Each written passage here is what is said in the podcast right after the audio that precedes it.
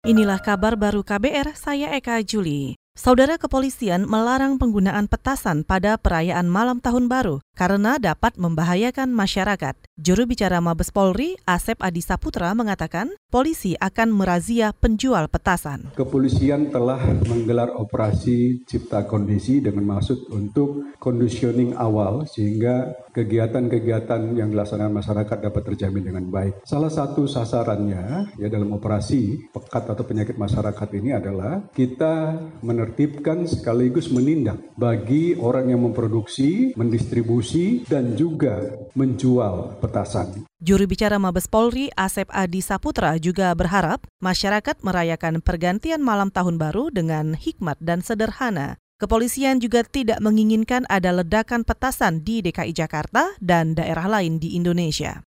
Kita ke soal pajak. Lembaga yang fokus dalam analisis pajak Center for Indonesian Taxation Analysis atau SITA menyebut tantangan ekonomi di Indonesia pada 2020 akan semakin berat. Direktur Eksekutif SITA, Justinus Prastowo menyarankan pemerintah menurunkan target penerimaan pajak lebih rendah dari 1.500 triliun rupiah lebih. Apalagi perkiraan penerimaan pajak di 2020 akan berkurang. Tahun depan cukup berat ya kalau melihat pencapaian tahun ini dan melihat tren perekonomian, maka target pajak 2020 sebaiknya direvisi melalui APBNP karena kalau tidak nanti akan sangat memberatkan. Nah kalau target yang terlalu tinggi itu dipaksakan, justru akan menekan perekonomian. Jadi tidak baik untuk mendorong pertumbuhan, apalagi pemerintah sendiri kan malah ingin memperbaiki iklim investasi, mendorong perekonomian termasuk dengan omnibus law, maka jangan sampai ini kontraproduktif. Direktur Eksekutif SITA, Justinus Prastowo juga menilai Indonesia kurang memaksimalkan pajak dari sektor ekonomi digital di 2019.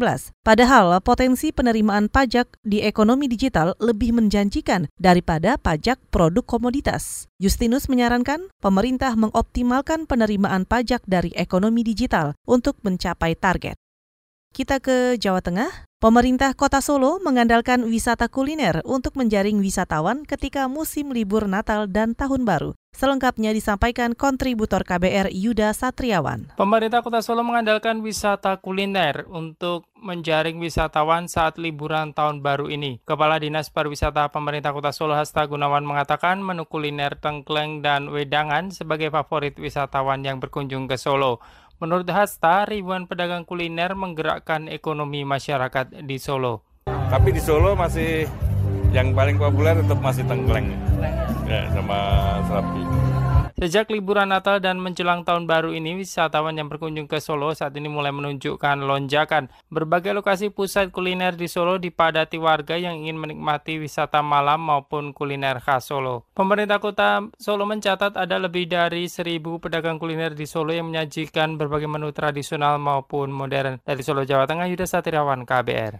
Kita ke informasi mancanegara. Angkatan Laut Iran menangkap kapal yang hendak menyelundupkan minyak di perairan Teluk. Iran juga menahan 16 awak kapal yang merupakan warga negara Malaysia. Komandan Angkatan Laut Iran menyatakan mereka berhasil menyita 1,3 juta liter bahan bakar yang diselundupkan. Angkatan Laut Iran sebelumnya menangkap lima kapal lainnya yang menyelundupkan minyak. Saat ini, Iran semakin memperketat pengawasan di perairan Teluk dan Selat Hormuz akibat tekanan Amerika Serikat. Saudara demikian kabar baru, saya Eka Juli.